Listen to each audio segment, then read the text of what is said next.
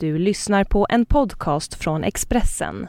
Fler poddar hittar du på expressen.se podcast och på iTunes. Nu utreds massdöden inom flygvapnet. Det här är Expressen Dokument, ett fördjupningsreportage. Varje dag med mig, Johan Bengtsson, som idag läser Arne Lapidus text om att fler än 600 svenskar är döda i flygolyckor. Fler än 600 svenska stridsflygare omkom i haverier under kalla kriget, under övning och inte i strid. Bakgrunden var ett spänt beredskapsläge, dålig flygsäkerhet, tuffa övningar och en utbredd machokultur.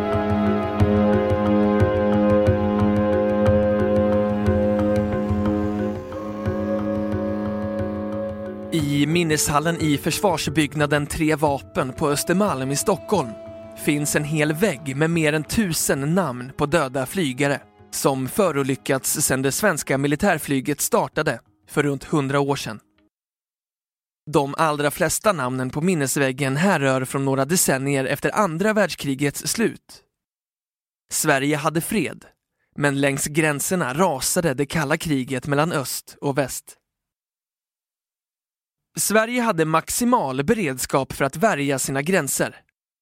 Hotet kom från öst, även om det inte sades rent ut officiellt, och flygvapnet skulle ta första, och största, smällen. Fler än 600 flygare omkom mellan 1945 och 1991, det kalla krigets tid. Hur kunde det pågå så länge? Hur kunde man tillåta att så mycket folk dog i fredstid? Varför var det ingen offentlig debatt? Det vill jag ta reda på, säger Mikael Nilsson, historiker vid Stockholms universitet. Under 1950-talet hade vi 21 döda flygare per år. På 60-talet 13 per år och på 70-talet 6 till 7 döda per år. Sverige hade runt sex gånger högre dödlighet per 100 000 flygtimmar än USA på 60-talet. Först på 60-talet börjar man se över flygsäkerheten. Främst för att planen börjar bli dyra, inte på grund av dödsoffren, säger han. Idag är situationen helt annorlunda. Säkerheten är högprioriterad och flygplanen har blivit oerhört mycket bättre och säkrare. Flygvapnet har inte haft något dödligt haveri med flygplan sedan 1996. Däremot har det inträffat helikopterolyckor.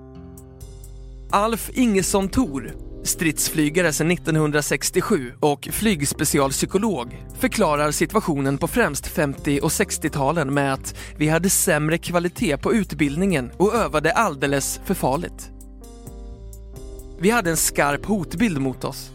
Läget var mycket skört och känsligt. Vi var tvungna att ligga på topp hela tiden, säger Alf Ingesson Thor.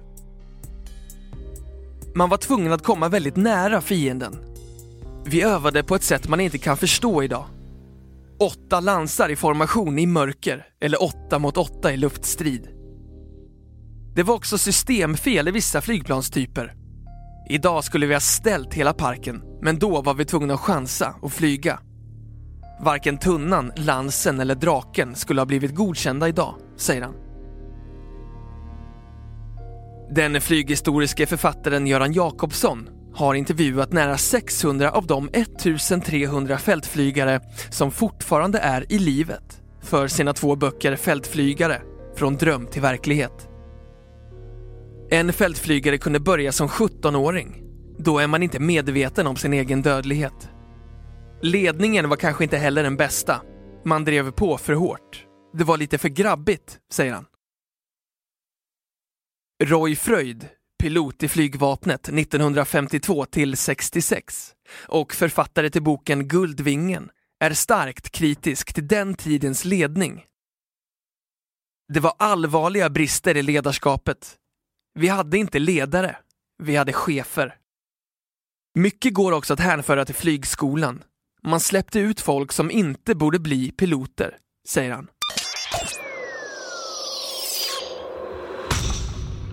Du har hört Expressen Dokument. Ett fördjupningsreportage om att fler än 600 svenskar dog i flygolyckor av Arne Lapidus som jag, Johan Bengtsson, har läst upp.